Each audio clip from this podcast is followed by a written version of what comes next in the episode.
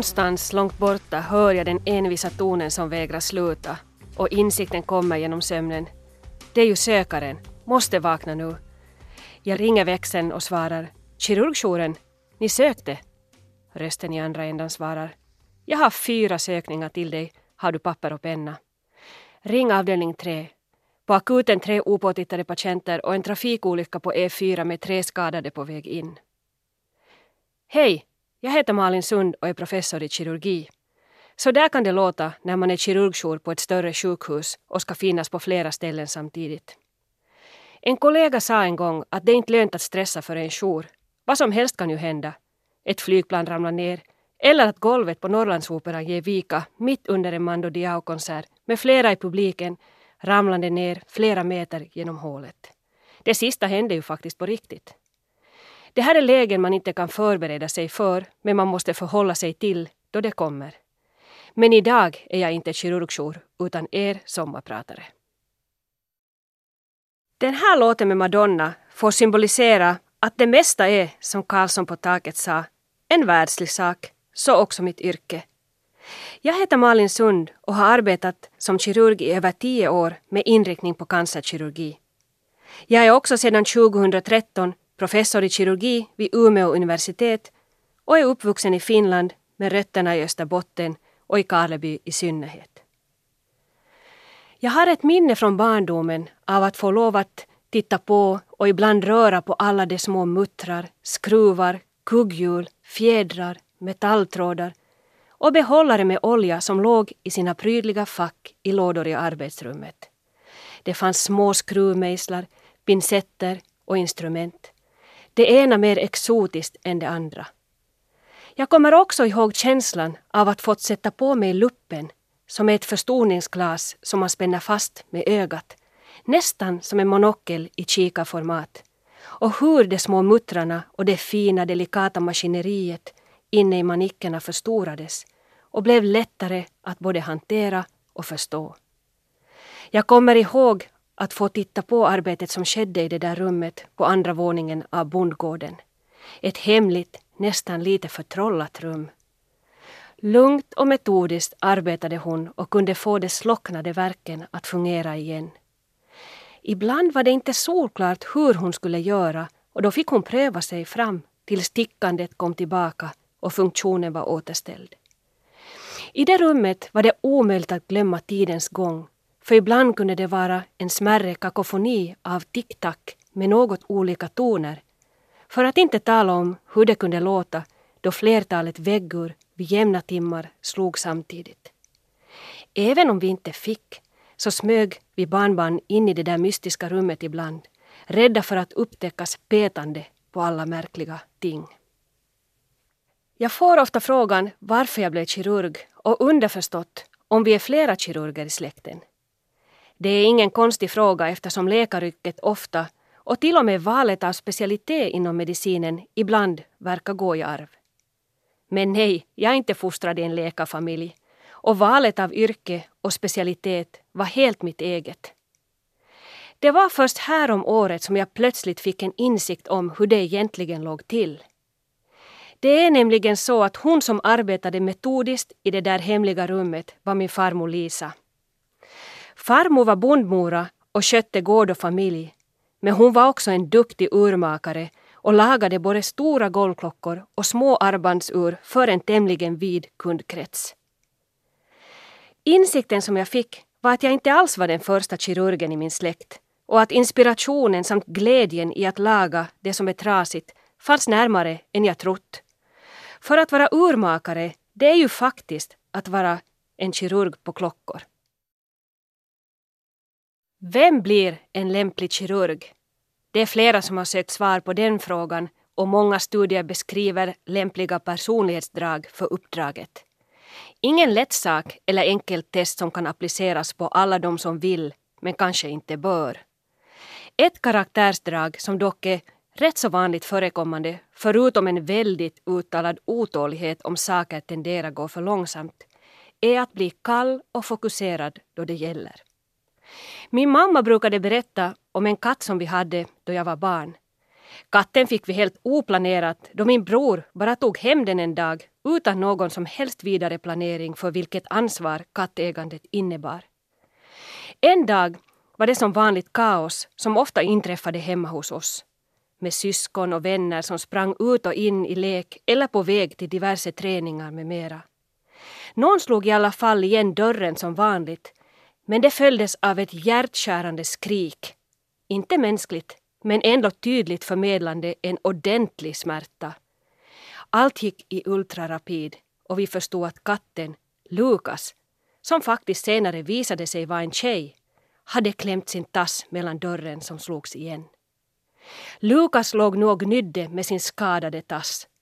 Efter två, tre sekunder av att tiden stod still utbröt ett totalt panikläge i familjen. Reaktionerna på den skadade tassen eskalerade snabbt till att alla gav olika alternativ hur den stackars katten nu skulle avlivas eftersom man verkar vara rörande överens om att det inte fanns några som helst alternativ till en slutlig lösning. Katten skulle inte lida och den skulle dränkas, kvävas, föras till veterinären för en spruta, det ena mer panikartade förslaget efter det andra. Medan den här divideringen höll på gick jag fram till katten, lyfte upp den och lugnade den. Efter det undersökte jag kattens hela ben och kom fram till att något helt trasigt fanns det inte och att läget egentligen var helt lugnt. Katten lugnade ner sig och gick iväg utan att halta och paniken ebbade så småningom ut. Min mamma berättade åt mig att det var i den här stunden som hon var säker på att det här med medicin var min grej. För jag blev kall, fokuserad och metodisk i ett läge när det gällde. Under sista året har en av de största skandalerna inom medicinen någonsin i Sverige ägt rum. Den så kallade Macchiarini-skandalen. En kortfattad resumé över vad som har hänt är att man rekryterat en massmedialt omhuldad kärnkirurg till det ledande sjukhuset i landet. Kirurgen tillsammans med sin forskargrupp tog fram metoder för att skapa konstgjorda organ som sen opererades in i patienter med katastrofala följder, till och med dödsfall, utan att först prova metoderna i försöksdjur, vilket är det etablerade sättet att utveckla nya kirurgiska metoder. Jag har fått följa den utredningen som fortfarande pågår på nära håll och det har väckt många tankar över hur det kunde ske och vad som är drivkrafterna bakom en sån katastrof. Jakten efter ära och framgång, forskningsmedel och forskarpriser. Trots ett kirurgiskt kunnande rent tekniskt blev resultatet helt fel. Och det belyser att man trots behovet av att bli kall och fokuserad ändå måste ha kvar humanismen och empatin i sin kirurgi. Att verka i ett yrke som fortsatt är rätt så mansdominerat leder till flera dråpliga situationer. Jag blev här om året invald i en prestigefylld förening för professorer i kirurgi i Europa. Föreningen har cirka 250 medlemmar varav cirka 10 kvinnor och man väljs in på rekommendation av redan invalda medlemmar. Det året jag blev invald var vi faktiskt tre kvinnor av cirka 15 nya invalda. Det var givetvis med en viss bävan och nyfikenhet jag tog emot min inbjudan till det årliga mötet för föreningen där alla de nya medlemmarna skulle introduceras. Introduktionen skulle ske vid mötets start och vi uppmanades alla vara närvarande. En efter en ropades de nya medlemmarna upp och fick gå upp på scenen där man presenterades, fick ta emot sitt antagningsdiplom och föreningens slips. Det var ordförande för föreningen som höll i ceremonin och han är en kirurg mycket känd över hela Europa men från ett land där kvinnliga kollegor inte ännu är så vanliga.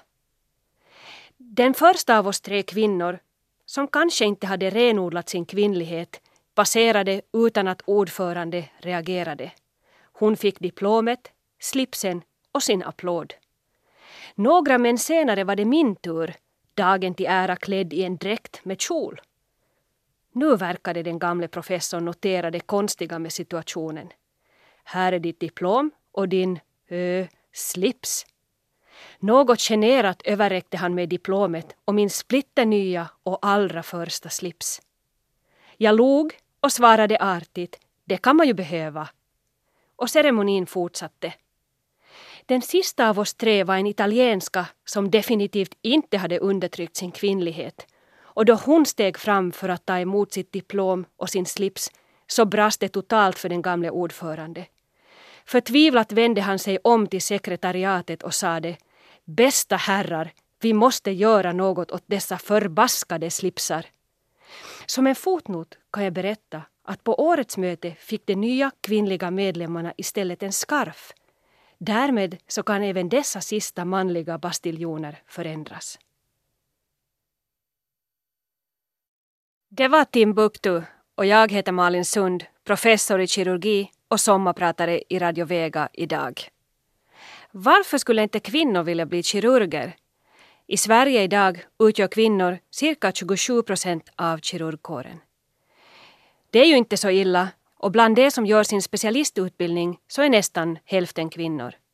Den här feminiseringen av kirurgin ses av många i det gamla gardet som ett problem och man undrar hur systemet ska kunna fungera som det har hittills. Jag gjorde ett antal år sedan en studie på mina läkarstudenter. Efter kursen i kirurgi fick de fylla i en enkät över sin känsla för kirurgin som framtida specialitet och orsaker till varför de avstod att välja kirurgi som sin specialitet. De siffror som jag analyserade visade under ett antal terminer samma resultat. Cirka 40 procent av de kvinnliga men upp till 80 procent av de manliga studenterna kunde tänka sig kirurgi som sin framtida specialitet. Jag hade bett studenterna också att kryssa i de viktigaste orsakerna till att de inte ville bli kirurger från ett antal påståenden.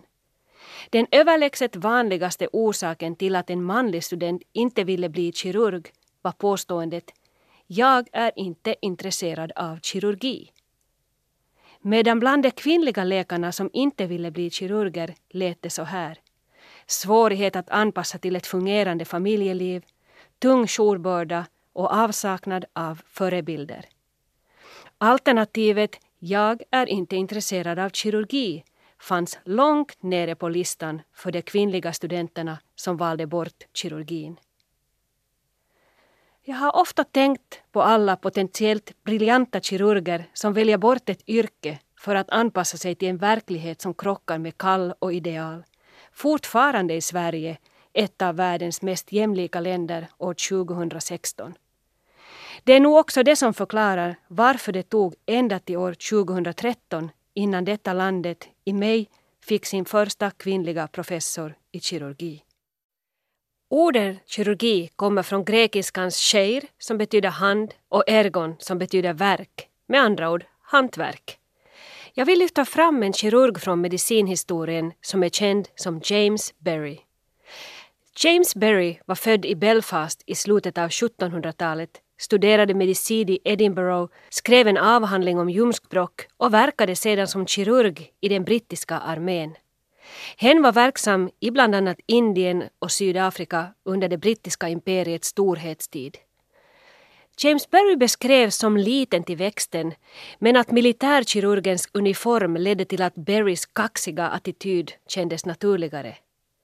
Berry beskrivs också som utföraren av det första kejsarsnittet i Afrika där både mamman och barnet överlevde och hen förbättrade överlevnaden för soldater i den brittiska armén för slavar och psykiskt sjuka genom att arbeta för att förbättra sanitära förhållanden på diverse institutioner och startade i Afrika en smittkoppsvaccination långt före detta gjordes i Europa. James Berry hette egentligen Margaret Ann Balky och det visade sig först efter hennes död att hon var en kvinna, att hon sannolikt hade fött barn och att hon hade lyckats dölja sitt kön hela sin karriär genom att praktisera förklädd till en man. En annan känd kvinna från medicinhistorien och just denna epok är Florence Nightingale. Hon och Berry hade träffats under Krimkriget och efter Berrys död skrev Nightingale Efter hennes död fick jag veta att Berry var en kvinna. Enligt min uppfattning var hon den hårdaste varelse jag någonsin mötte i armén.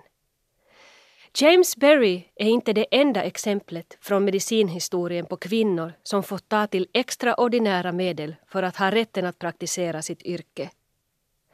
Carolina Eskelin var Finlands första kvinnliga kirurg, om dock praktiserande på dispens, och den första kvinnan som disputerade år 1895.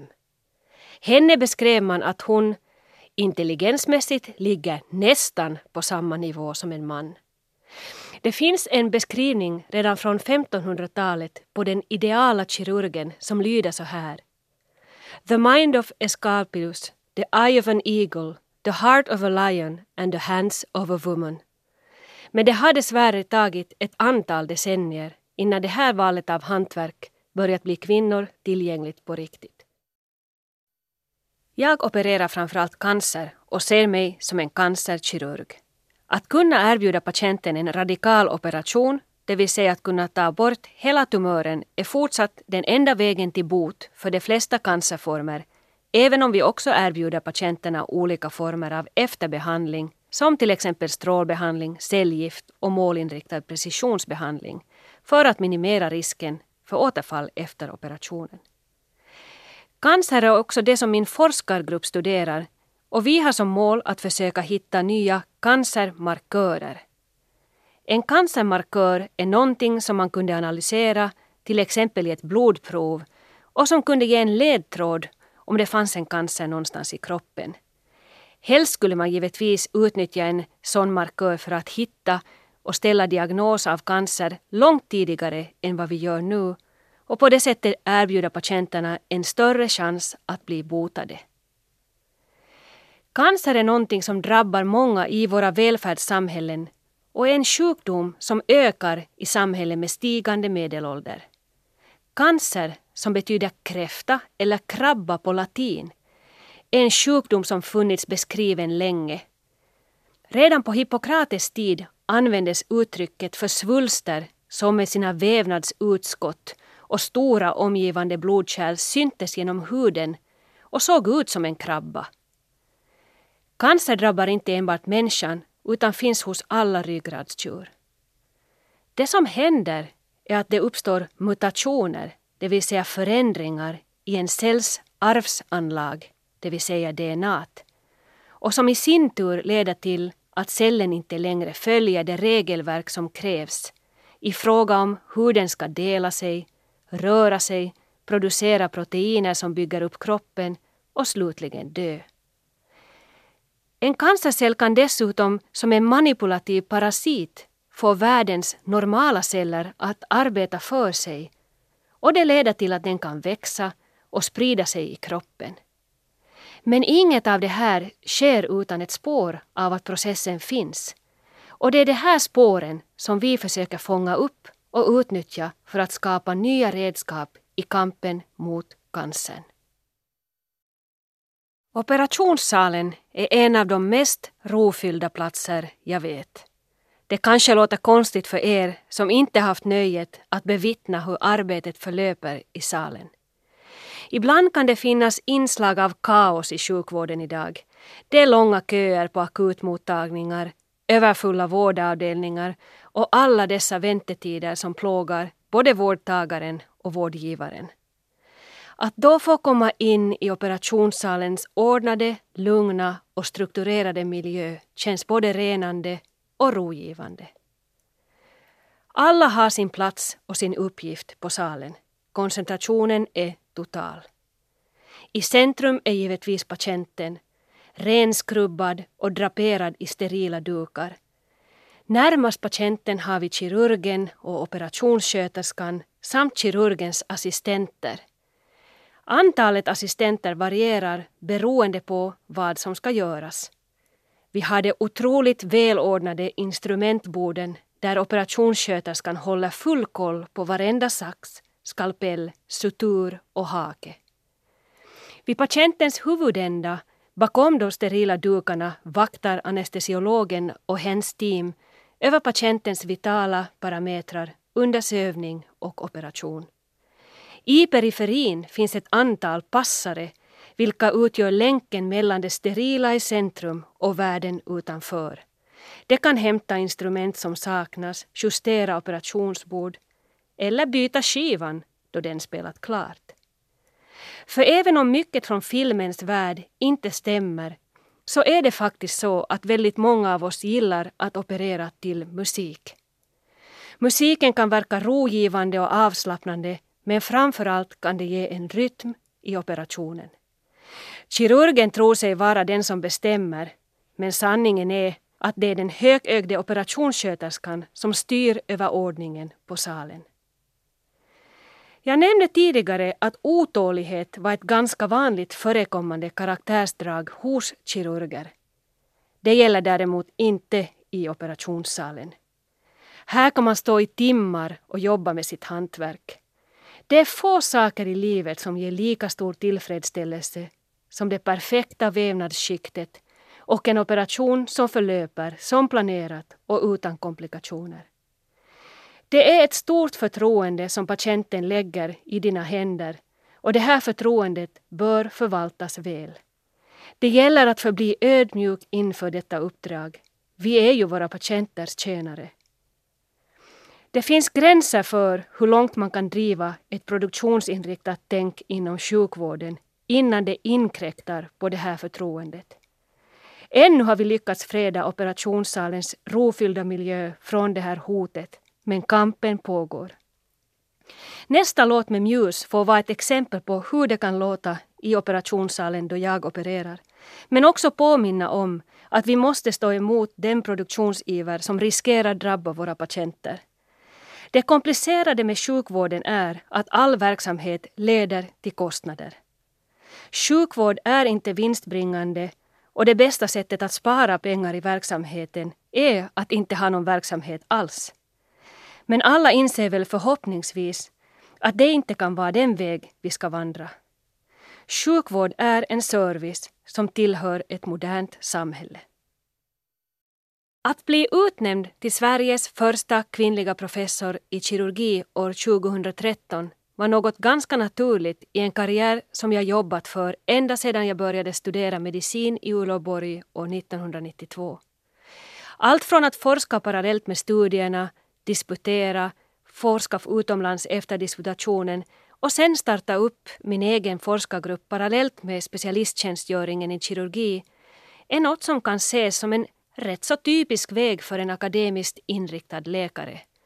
Fortsätter man på den banan så är det ju professuren som är målet. Jag blev däremot omedelbart varse om att min utnämning hade en annan dimension som hade att göra med att jag är kvinna. Det blev skriverier och intervjuer och ofta mer fokuserat på det här med kön än på vad min forskning är inriktad på eller det som jag gör i såret, kirurgslang för opererandet. Jag kunde tycka det var irriterande, smått överraskande och så småningom också ganska långtråkigt. Jag hade inte bett om att få vara den här symbolen för ett krossat glastak. Med tiden har jag dock förstått att det gäller att gilla läget, acceptera rollen och det är med stor glädje jag ser alla starka och tuffa kvinnliga kirurger nu vinna terräng i Sverige. Jag skulle därför vilja avrunda med att skicka några råd på vägen till de yngre systrarna. Det första rådet är att lyssna på sitt hjärta och våga följa det. Även om man kanske får gå på tidigare obevandrade vägar. För många kvinnor bortrationaliserar den här inre rösten och det tycker jag så tydligt visade sig i min enkät över läkarstudenternas val. Det andra rådet är att våga vara lite obekväm, ha skinn på näsan men samtidigt beredd på att just det kan upplevas som ett hot i många läger. Vid motstånd så gäller det att välja hur man hanterar uttrycken av det motståndet.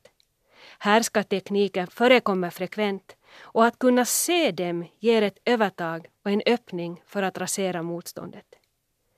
Det största hotet ligger nog ändå oftast på de egna högställda kraven och därför ska man försöka ta nackgrepp på sitt superego. Kom också ihåg att härskartekniker dessvärre används av medsystrar. Men för dem finns det ju som känt en speciell plats. Jag har en anekdot kring fenomenet från den egna karriären. Jag var föräldraledig med mitt första barn samtidigt med en manlig kollega och då vi återvände till jobbet så fick han kommentaren Det var väl hög tid att börja jobba igen. Medan kommentarerna jag fick var Är det inte allt för tidigt att komma tillbaks ren. Det ironiska var att vi hade varit borta precis lika länge och att kommentarerna framför allt fälldes av andra kvinnor. Jag beklagade det här till Ulla, en av våra mest garvade sjuksköterskor och någon som ser hur maktstrukturer fungerar. Då jag något år senare kom tillbaks från min andra föräldraledighet såg Ulla mig i korridoren och ropade högt Malin, det var väl hög tid att börja jobba igen. Det kändes befriande. Det tredje rådet är att välja sin partner noga. För att ha stöd på hemmafronten är nog det viktigaste för att skapa balans i tillvaron. En stark man skräms inte av en stark kvinna. Det är få manliga kirurger som väljer bort familj på grund av sitt yrkesval, men många kvinnliga sådana som gör det. Sann jämställdhet börjar alltid i hemmet. Jag heter Malin Sund och jag har sommarpratat här i Radio Vega idag.